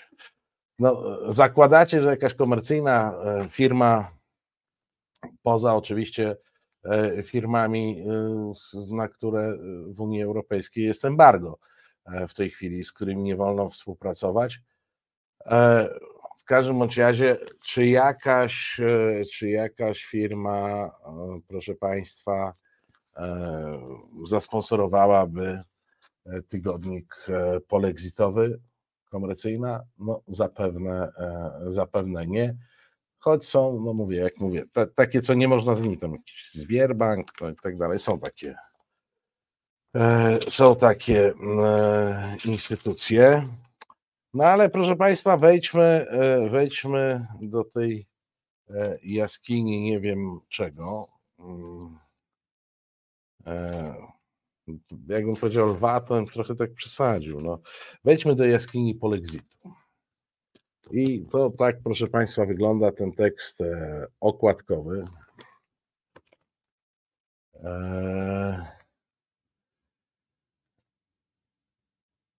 Pan Tomasz Cukiernik, tam w ostatnich dniach mniej więcej już było e, opisane e, w, pewna jego droga życiowa ciekawa, ale nieważne. E, pan Tomasz Cukiernik wychodzi od e, pytania e, z debaty e, pana Mencena i pana Petru gdzie Petru zadał Mencenowi pytanie, gdyby dzisiaj było referendum w sprawie wyjścia Polski z Unii Europejskiej, takie samo, jakie było w Wielkiej Brytanii, to ma pan dwa warianty, albo głosuje pan tak, albo nie. Proszę o jasną deklarację. No i pan Mencen nie wygłosił jasnej deklaracji, co bardzo martwi pana cukiernika, bo twierdzi, że pan Mencen powinien powiedzieć jasno, tak, głosujemy na nie, wychodzimy, mm, a, a Mencen tego nie zrobił. No ale to już pomijając żale pana cukiernika do pana e, Mencena na ten temat, e, pan cukiernik stawia tezę. Na takie pytanie odpowiedź może być tylko jedna: należy wyjść z Unii Europejskiej. No i teraz następują powody, dla których z tej Unii Europejskiej e, powinniśmy e, wyjść. Po pierwsze, polityka klimatyczna. E, polityka klimatyczna jako pełne zło, ponieważ e, Unia chce, żeby Polska zrezygnowała z węgla i gazu na rzecz wiatraków i fotowoltaiki. To jest zdaniem pana cukiernika naj, najważniejszy powód do wyjścia z Unii Europejskiej. No tu oczywiście pan cukiernik ani przez moment nie zająknie się, że ten węgiel palony w tych e, kominach jakichś różnych, to to nie jest taki dobry pomysł. No, naprawdę. No, to, ale po, ponieważ e, coś szkodzi e, zdrowiu, to jeszcze nie jest powód, żeby to likwidować. Nie? Zresztą, no, umówmy się, że zawsze jest E, zawsze jest e, z, z panami z tej strony sceny politycznej i ja nieraz się zastanawiam, czy oni naprawdę tak mają, czy, czy to jest po prostu to, że w tych tekstach cyrylicą pisanych to nie piszą o takich rzeczach, może oni nie wiedzą, e, no ale problem klimatu nie jest problemem Unii Europejskiej, jest problemem światowym. E, problem e, zanieczyszczeń jakości powietrza nie jest problemem europejskim, powiem więcej, on jest nawet bardziej problemem polskim jak europejskim.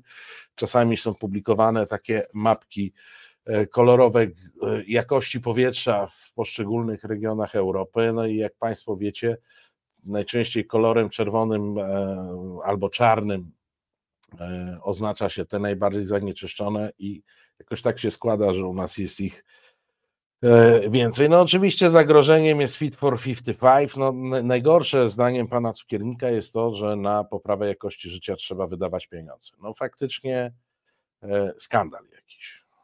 Zupełny skandal. Wyobraźcie sobie, że po to, żeby coś poprawiać, trzeba wydać pieniądze.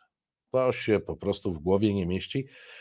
Jak wiadomo, na wschodzie, gdzie nie ma złej Unii Europejskiej, poprawia się ludziom życie samymi przemówieniami Putina i wcale nie trzeba wydawać na to pieniędzy, poza niezbędnymi oczywiście pieniędzmi na propagandę, no bo to, to są dobrze wydane pieniądze. Drugi powód zdaniem pana Cukiernika to jest fundusz odbudowy. No bo fundusz odbudowy to jest utrata suwerenności, proszę państwa, bo jest to spółka e, zawarta na, po to, żeby za, wziąć pożyczki grupowo, a nie indywidualnie. W związku z czym, jeżeli państwo biorą jakiś kredyt e, i bierzecie go nie sami, tylko na przykład ze wspólnikami swoimi w biznesie, to tracicie suwerenność, żeby była E, e, żeby było jasne. Trzecim powodem, dla którego trzeba, zdaniem pana Cukiernika i tygodnika do rzeczy, opuścić Unię Europejską, są, jest na przykład system rejestru podmiotów wprowadzających produkty, produkty w opakowaniach i gospodarujących opadami, odpadami. E, no proszę Państwa. No to ja, prawdę mówiąc, zastrzelił mnie gość. I on ma rację, nie? Ponieważ Polska jako największy e, w Europie importer e, odpadów z przeróżnych krajów, których nas często nie pamiętamy, bo są bardzo egzotyczne, no faktycznie może czuć się zagrożona, znaczy Polska pisowska, żeby była jasność, czuć się zagrożona na przykład takim rejestrem e, firm gospodarujących odpadami. No nie, to, to nie będzie nam odpad pluł e, w twarz. No do tego dochodzi ESG, czyli e, po, polityka, obowiązek raportowania klimatycznego dla firm, które mają wpływ na E, klimat. No, skandal, proszę Państwa. Truciciele, czy potencjalni truciciele e, będą musieli raportować, że trują. No, słuchajcie, tak to my żadnej odry nie wykończymy. Jak my zaczniemy monitorować, kto truje, jak my zaczniemy dostawać raporty, kto zatruwa środowiska, to jak my później będziemy mówili, że to Niemcy są winni e, temu, że Odra umarła? No nie, nie. Nie będzie nam tutaj e, żadne, żadne zatrucie pluło w twarz. E, kolejny powód, proszę Państwa, to jest utrata bezpieczeństwa żywnościowego i to jest wspólna polityka rolna, proszę Państwa. Tak, wspólna polityka rolna pozbawia nas suwerenności handlowej e, i wykańcza polskie rolnictwo. Powiem Wam, że o jak czasami powiedzą, to ja tak nie wiem, co powiedzieć. E, wiem, że na, na czacie pewnie są osoby, które tam jakoś e, mieszkają na wsi, są blisko tego środowiska, jeżdżą. Popytajcie rolników, jak bardzo ich ta wspólna polityka rolna E, wykończyła. Ja, cytując klasyka, powiem, nie mam takiego wrażenia. No, kolejny punkt, o którym już trochę wspomniałem przy okazji rozmowy z profesorem Duszczykiem, to jest kwestia imigrantów. Wymuszanie przez Brukselę przyjmowania imigrantów. E, W okresie pierwszej fali wielkiego najazdu arabskich nielegalnych imigrantów do Unii Europejskiej polski rząd był mocno krytykowany przez eurokomisarzy za brak zgody na ich relokację do Polski. Miały być jakieś kary, ale rozeszło się po kościach. E, teraz po koronawirusowej pandemii, a mimo rosyjsko-ukraińskiej wojny, wrócił na brukselskie salony ten temat. E, no i proszę Państwa, za nieprzyjęcie imigrantów trzeba będzie płacić kwotę w wysokości co najmniej 20 tysięcy. No to na ten temat już profesor Duszczyk powiedział wszystko, przypominając też, że to była taka koncepcja Jarosława Kaczyńskiego z 2016 roku. No i tu, proszę Państwa, teraz się trzymajcie. Ja się dziwię, że ten powód jest e, podany jako ostatni z wielkich powodów, to jest, proszę Państwa, gender. gender, rozumiecie? Szóstym powodem jest Karta Praw Podstawowych i coraz bardziej agresywne zmuszanie do indoktrynacji w duchu obcej nam ideologii gender i LGBT, co stoi w całkowitej sprzeczności z sumieniem i wyznawianą, wyznawaną wiarą zdecydowanej większości Polaków. Tak opisze pan e, Cukiernik, e, powołując się tutaj w ogóle przy tym genderze, muszę przeczytać tą książkę e, autorstwa Dariusza Rozwadowskiego Kościół w obliczu rewolucji, marksistowski marsz przez instytucje Kościoła katolickiego. Cytowana jest teza, Unia Europejska w wyniku długiego marszu przez instytucje została opanowana przez marksistów i krok po kroku realizuje ich wizję świata bez Boga, gdzie człowiek zostaje sprowadzony do poziomu zwierzęcia, którym łatwo sterować. Tak, proszę Państwa, jeżeli nie przestraszyliście się e, polityki klimatycznej, funduszu odbudowy, systemów raportowania zatrucia środowiska, utraty bezpieczeństwa żywnościowego, nawet jeżeli nie boicie się tych imigrantów, którzy tu z Lampeduzy podążają e, natychmiast, to jest argument ostateczny, który, jak rozumiem, każdego już przekona, gender nam tu przylizie. Tak. Proszę Państwa, i e, podsumowanie musi być takie, jak, jak oni wszyscy teraz mają. Kierowana przez Niemcy polityka Unii Europejskiej bezpardonowo niszczy polską gospodarkę, wysysa z niej soki i drenuje kieszenie polskich podatników i konsumentów, mocno uderzając przy tym w naszą wolność, bezpieczeństwo i suwerenność. Im szybciej powstrzymamy ten skrajnie szkodliwy dla Polski i szybko pogłębiający się proceder, tym lepiej dla nas. No i tu mała wskazówka dla wyborców Konfederacji. Rozumiem, że na czacie jest ich mnóstwo. Odważniejszy od prezesa Mencena jest, był poseł Bosak, który podczas konwencji Konfederacji powiedział wprost: Nie chcemy waszych traktatów lizbońskich i waszej karty praw podstawowych, przed którą podobno nas zabezpieczyliście, a którą teraz nas szantażują. Nie chcemy europejskich zielonych ładów, nie chcemy waszego Fit for 55, na który zgodził się Morawiecki, nie chcemy ETS, na które zgodził się Tusk, nie chcemy ETS 2, na które zgodził się Morawiecki, nie chcemy całej klimatycznej nowomowy. Powiem Państwu, że z tym e,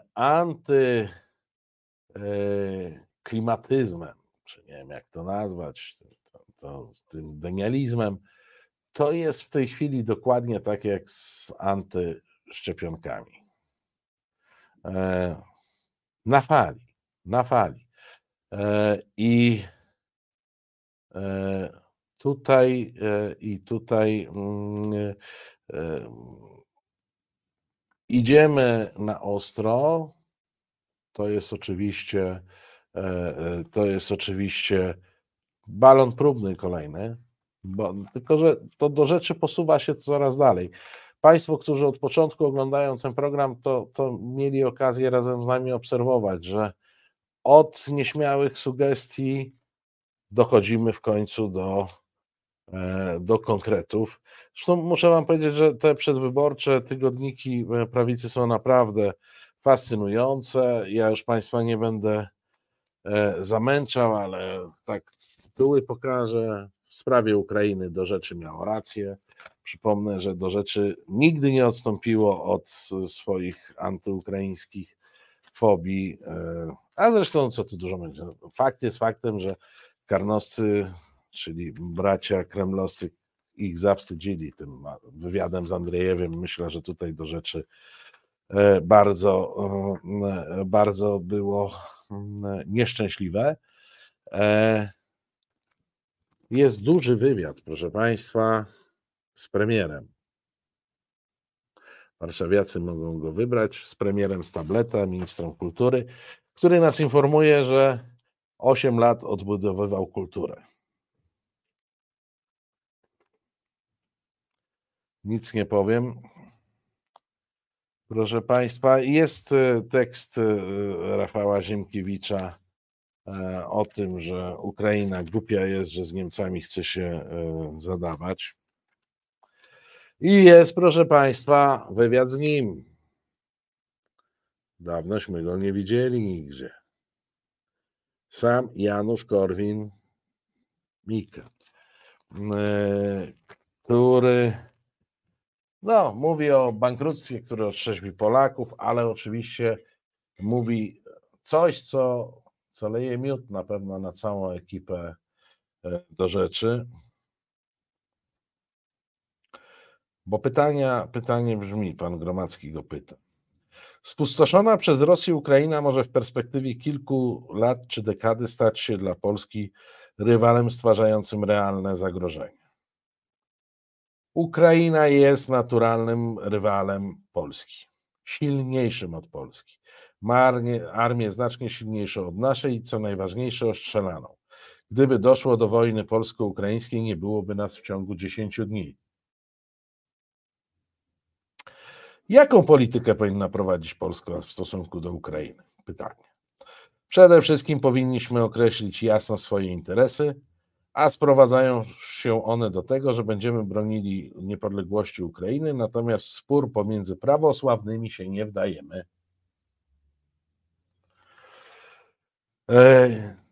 Jaka stawka jest, jaka jest stawka wojny pomiędzy Rosją a Ukrainą? Plan A zakłada, zakładał, aby zneutralizować Ukrainę, żeby nie była zagrożeniem dla Rosji, żeby nie była w NATO, wreszcie, żeby nie dysponowała bronią, która pozwala bezpośrednio zaatakować Moskwę. Przypominam, że od granicy Ukrainy jest niecałe 600 kilometrów do Moskwy. Rosjanie próbowali to robić, przywracając y, do władzy Janukowycza, który, trzeba to przyznać, został nielegalnie obalony przez Majdan. Po prostu popłakałem się z żalem. Popłakałem się. Jak mnie jest żal tego Janukowycza, jak mnie boli serce, że on taki nielegalnie został e, obalony. Zresztą obalony jak obalany, z tego co pamiętam, on po prostu uciekł. Tu akurat Rosjanie mają rację. Jak wiecie, u Korwina Rosjanie bardzo często mają rację, e, albo co do zasady e, mają rację. Jednak na przewrócenie Janukowicza nie ma mm, na Ukrainie żadnego klimatu. Więc gdy się to Rosji nie udało, zaczęła realizować plan B, czyli zajęcie terytoriów rosyjskojęzycznych. Podkreślam, że w Donbasie jest 60% rosyjskojęzycznej ludności, wreszcie Zaporoża jest to 40-45%, nie wspominając o Krymie, gdzie językiem 80% ludności jest rosyjski. Jako, że Rosji nie udał się pierwotny plan, próbuje przynajmniej przeprowadzić ten drugi i w zasadzie prawie swój cel osiągnęła. Do jego pełnej realizacji brakuje tylko połowy, zajęcia połowy okręgu donieckiego. Tak rzecze Korwin-Mikke. Ja tam nie będę mówił nic o, o onucach. Panu Korwinowi e, dedykuję informację, że Stanach Zjednoczonych przemożna większość ludności mówi po angielsku, a przedtem królowa, a teraz król Anglii są w stanie się powstrzymać przed najazdem na Stany Zjednoczone. Jak to jest?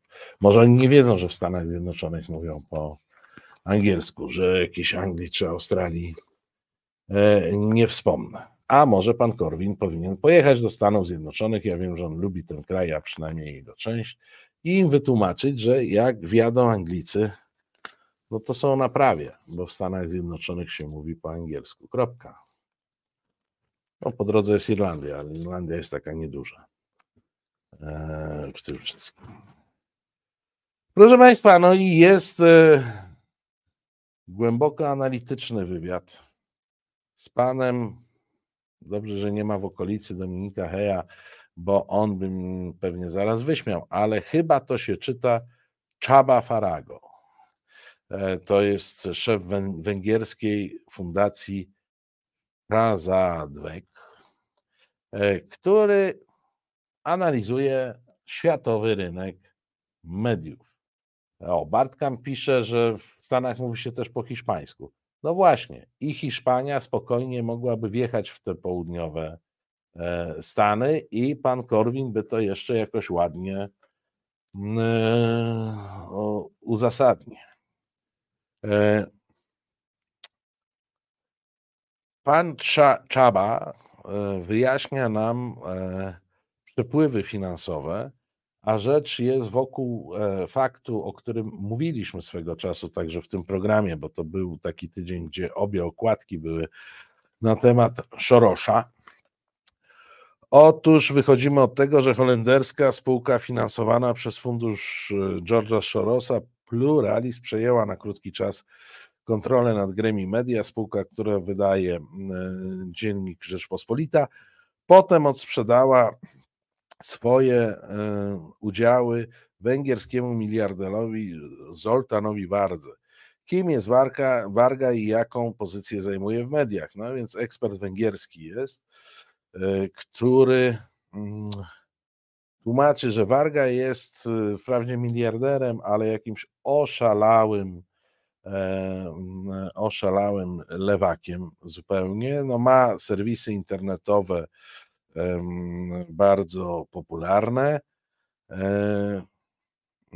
Prezentuje w nich wyraźnie lewicowo-liberalny sposób myślenia, krytyczny wobec, bardzo krytyczny wobec rządu Orbana i wartości konserwatywnych.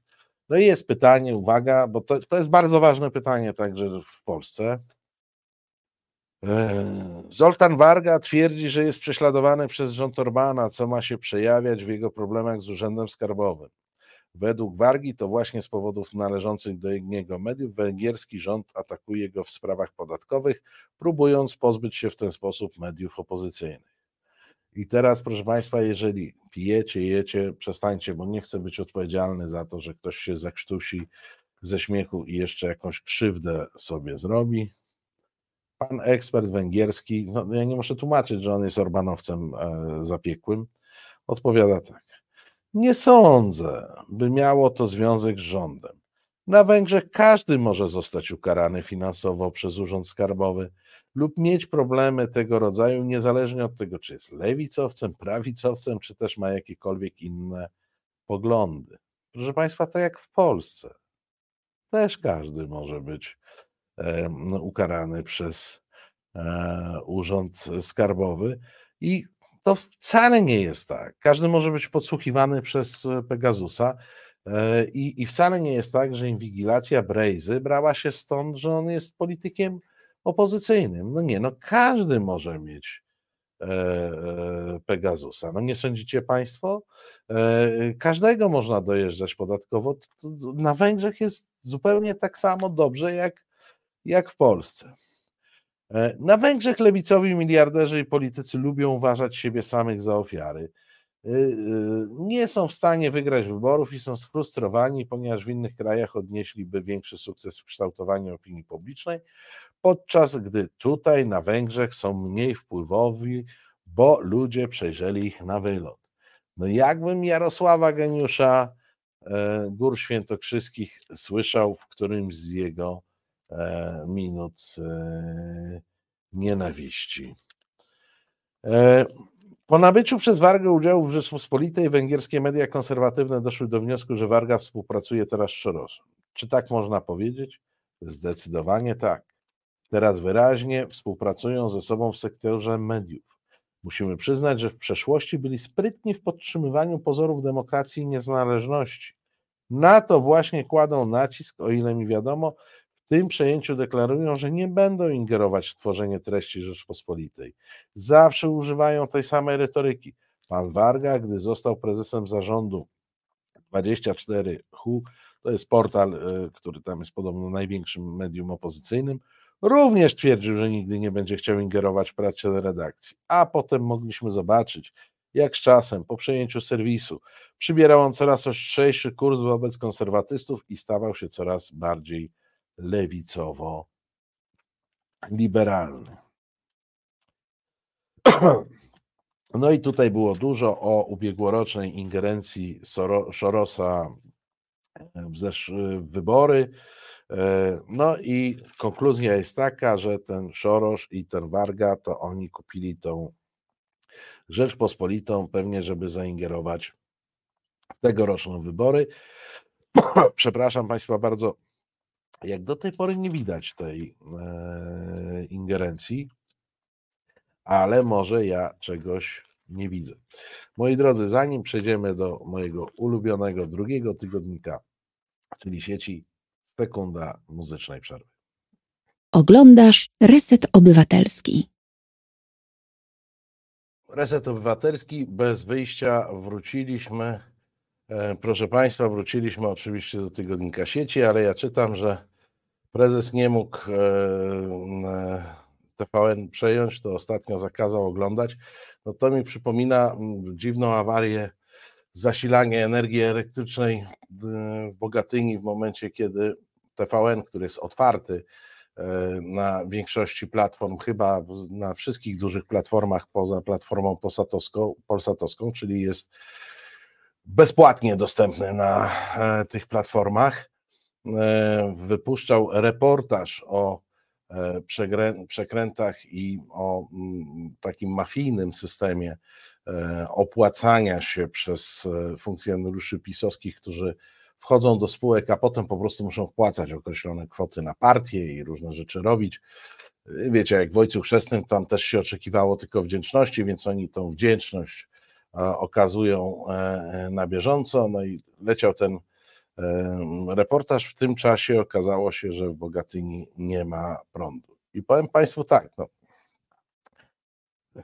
gdzieś wrodzone zakotwiczenie w racjonalności e, każe wierzyć e, w to, że faktycznie no, były wichury wtedy. No, coś mogło się e, stać. No, coś mogło się stać. Ale żyjemy w państwie, w którym nie postawiłbym dużych pieniędzy, że jakiś e, właśnie prezes spółki zadzwonił do takiego pana Henia, który to pan Henio siedzi przy takiej konsoli i ma tam różne takie przyciski, heble do, e, e, do wykorzystania i nie powiedział, Maj Heniu, hebel w dół, nie będzie prądu w Bogatyni. Ja, prawdę mówiąc, żyjemy w tak absurdalnym kraju, że ja bym tego e, nie umiał tak po prostu e, e, nie umiał tak po prostu wykluczyć. No ale proszę Państwa, gdybyście się obawiali czegoś, to nie będzie, nie będzie niemieckich porządków w Polsce. Mówi pan, pan Zbigniew Rau, e, czyli jakby ktoś nie wiedział, e, minister spraw zagranicznych, e, który nie pojechał do Kijowa z, z innymi ministrami spraw zagranicznych Unii Europejskiej, albowiem musiał być w Spodku Katowickim na konwencji partyjnej,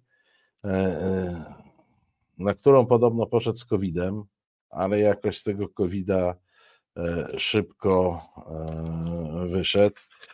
E, To są w ogóle, każdy z nich jest jakąś nieprawdopodobną, nieprawdopodobną historią. No, ale wywiad z panem ministrem, proszę państwa, rozpoczyna się, wywiad to oczywiście prowadzą bracia kremlowscy. Więc uważajcie państwo, będą to ich szokujące, dociekliwe e, pytania bez tezy. E, Wywiad zaczyna się od kwestii najważniejszej, a mianowicie reparacji. Nie wiem, czy Państwo jeszcze pamiętają. E, No, mamy taki żywotny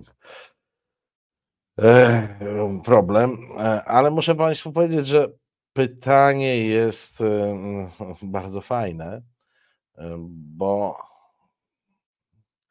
oni nawet nie czują, kiedy się kompromitują. No, tak mi się rymnęło. E, Panie ministrze, mija rocznica wystosowania przez Polskę noty do Niemiec z żądaniem zadośćuczynienia. Wyraził pan w niej przekonanie, że strony powinny podjąć niezwłoczne działania zmierzające do trwałego, kompleksowego i ostatecznego prawnego i materialnego uregulowania kwestii następ agresji i okupacji niemieckiej w latach 39-45. Powiedziałbym tak, tu już jest kompromitacja, bo mija rocznica i ona zasługuje na y, złośliwe pytanie, no i, i co? No, złożyliście tę notę i co? Jest ta kasa, nie ma tej kasy, są rozmowy, nie ma tych rozmów, E, ale pytanie brzmi inaczej po tym wstępie. Jakie inne działania zostały podjęte w tej sprawie przez polską dyplomację? No i tu pan minister zaczyna. Polska zainicjowała bezprecedensową pod względem skali i zakresu akcję dyplomatyczną zmierzającą do poinformowania społeczności międzynarodowej o istnieniu polskich roszczeń odszkodowawczych wobec Niemiec.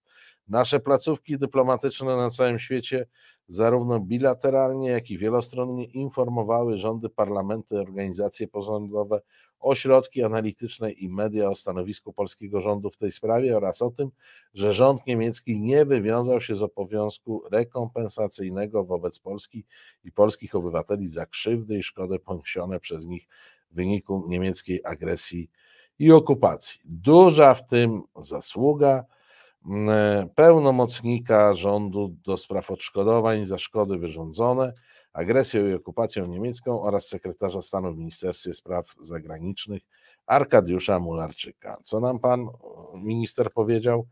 A nagadaliśmy wszystkim, że nie lubimy Niemców. Pan minister myślał, że ktoś miał co do tego rządu wątpliwości. No, później jest wątek, proszę Państwa, niemieckich porządków. Jak wiecie, dosyć, e, dosyć żywy ostatnio. Należy pamiętać, że Niemcy najintensywniej zabiegali o wprowadzenie swoich porządków na ziemiach polskich w czasach zaborów i okupacji III Rzeszy. W pierwszym przypadku zakładali, że jesteśmy Irokezami czy wręcz Dzikusami, jak to ujmował Fryderyk II, a w drugim, że po prostu Untermenschami. Ja nie wiem, co oni mają z tą historią. To znaczy, oni ciągle odwołują się do historii, e, m, której zupełnie nie znają. Nie wiem, dlaczego pan e, Rau e, uważa, że e, Niemcy zaprowadzali swoje porządki w czasie zaborów. A co? A nie zaprowadzali swoich porządków wcześniej? A przepraszam, a kogo nasz wielki król skądinąd nieduży. Władysław Łokietek mordował w Krakowie, jak nie niemieckich mieszczan, którzy tam niemieckie porządki e, zaprowadzili. A kogoż to nie mieliśmy w Prusach Wschodnich? A, a w ogóle o czym my rozmawiamy? Oni nawet nie mają poczucia absurdalności e, tej, e, tej dyskusji. Zestawienie, zestawienie E, zaborów, e, z okupacją, z okupacją niemiecką i z planową eksterminacją. Ja nie wiem, czy pan Rause zdaje sprawę, że on w ten sposób tak naprawdę obniża rangę tego, co się stało w trakcie II wojny światowej, co było bezprecedensowe i naprawdę nie ma w historii e, odniesienia, odniesienia i, i, i porównania. No to, to jest jakiś obłęd. To jest jakiś obłęd, to co ten facet tutaj e, opowiada. No oczywiście tradycyjnie powtarza to, co, co pewnie tutaj setny raz w tym programie pada, bo z każdych pisowskich ust to pada. Można sobie wyobrazić dwie wizje Europy. Pierwsza jest oparta o hegemonię i dominacji największych państw europejskich, zwłaszcza Niemiec, i druga antyhegemonistyczna, respektująca suwerenność, e, równość praw, państw. Europa oparta na hegemonii nie ma przyszłości, gdyż jest w swojej naturze antydemokratyczna. Zwolennicy Europy akceptującej w niej niemiecką dominację zmierzają do stworzenia sytuacji, w której demokratyczny wybór zostanie ograniczony do woli RFN i kilku bliskich jej państw. Ze względu na przewagę sił głosów Niemiec i kilku innych, przy całkowitym planowanym odrzuceniu zasady jednomyślności w Unii Europejskiej, wystarczyłoby wygrać w wybory w Niemczech. No oczywiste kłamstwo, bo Niemcy nie mają większości.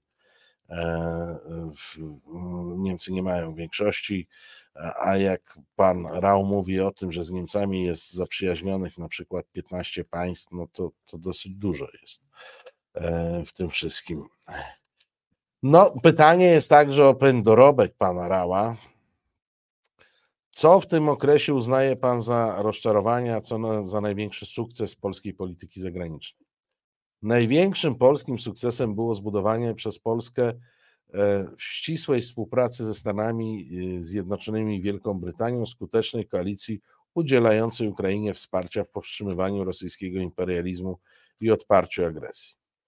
Nie wiem, czy Państwo gdzieś słyszeliście o tym sojuszu, czy on jeszcze istnieje, e, czy nie istnieje, e, czy on kiedykolwiek w ogóle był, poza tym, że te państwa faktycznie pomagały, e, pomagały Ukrainie, ale mam wrażenie, że jak Polska wchodzi między, Polska pisowska wchodzi między Stany Zjednoczone a Wielką Brytanię w tym układzie, to chyba jest w charakterze tej żaby, która podstawia nogę do podkucia. E, to wielki triumf polskiej polityki. Skutecznie wpłynęliśmy na politykę Waszyngtonu, Berlina i całej demokratycznej wspólnoty międzynarodowej do tego stopnia, że zaczęto mówić o przesuwaniu się politycznego środka ciężkości w Europie z Berlina do Warszawy.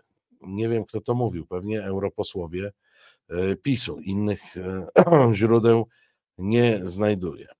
E, największym rozczarowaniem pana Rała e, łatwość, z jaką Berlinowi udało się wbić klin między Polskę a Ukrainę.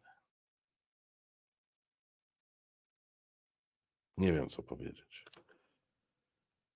Ech, to takie to trwałe sojusze są, że te kliny się wbija. Już pomijam, czy te kliny są, czy, e, czy nie.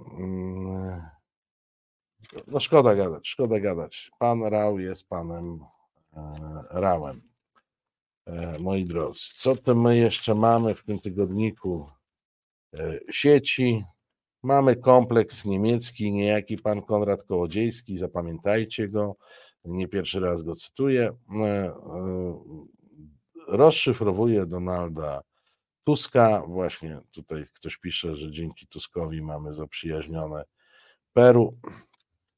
E, no, wraca do dziadka z Wehrmachtu, wraca o tym do tego, że Donald Tusk kiedyś powiedział, że w jego domu kolendy śpiewało się po polsku i po niemiecku i zauważa, że to jest rzecz trudna do wyobrażenia w większości polskich domów. Nikt nie siedzi w głowie lidera Platformy, lecz ktoś, kto podczas rodzinnej wigilii słyszy język niemiecki, nie będzie go kojarzył z niczym złym, wręcz przeciwnie. Donaldzie Tusku zostałeś przez pana Kołodziejskiego zdemaskowany. Zdemaskowany. Ta uległość wobec Niemiec bierze się stąd, że słyszałeś w domu kolendy e, po niemiecku. E, no tutaj, proszę Państwa, mamy fascynujący, naprawdę fascynujący wywiad z panem, który się nazywa Herman Tercz i wbrew e, e, nazwisku jest hiszpańskim dziennikarzem i pisarzem, e, chętnie komentującym sytuację w Polsce. Jest wiceprzewodniczącym europejskich konserwatystów i reformatorów z ramienia partii Vox. No i wiecie, to ta putinowska międzynarodówka. I chwali się, że ma krzyż kawalerski Orderu Zasługi. No pewnie tu pan Andrzej Sebastian tutaj jakoś e, odbył, no mówi jak z dumą go nosi, jaka Polska jest, e, jaka Polska jest ważna, fajna i podobna do Hiszpanii, żeby była jasność, czy takie, takie powiedziałbym pierdolety obowiązkowe. No ale na przykład zna się na polskiej opozycji.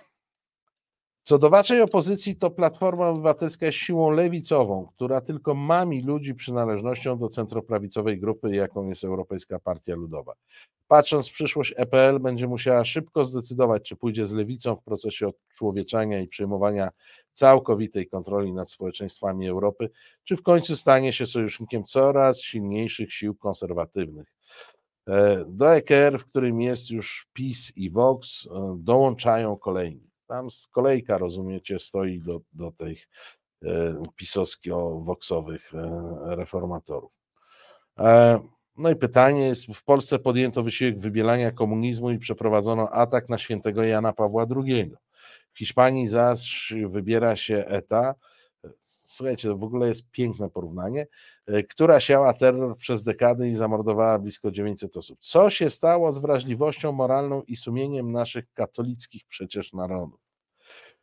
Siły antynarodowe łączą się ze wszystkimi, z którymi mogą się połączyć, aby pokonać i unicestwić konserwatywną prawicę, przygotowując grunt dla socjalistycznego, centralistycznego, globalistycznego reżimu w Europie. To oczywiste, że Tusk i Koalicja Obywatelska są narzędziami lewicy w Brukseli. E, W Hiszpanii zaś Pedro Sanchez, który zdobył w wyborach mniej mandatów niż prawica, zamierza ponownie zająć fotel premiera, zawierając sojusze nie tylko z komunistami i separatystami, ale także kryminalistami, którzy uciekli z Hiszpanii w związku z zamachem stanu i malwersacjami środków publicznych. Sanchez chce im podarować amnestię w zamian za ich głosy, choć ściga ich hiszpański wymiar sprawiedliwości. Pewnie i w Polsce Platforma Obywatelska zawiera sojusze z kimkolwiek, byle tylko stworzyć szeroki front do walki e, z PiS. No tako rzeczy nieznany mi do tej pory e, wybitny ekspert e, polityki polityki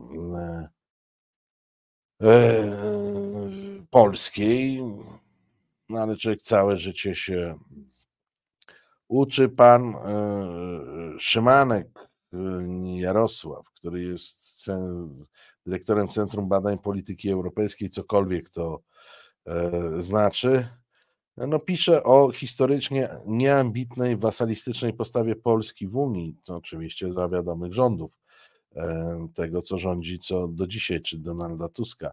E, Wmawiano przy tym Polakom, że poważne ambicje nie są dla nich, że ich celem powinna być tylko ciepła woda w kranie.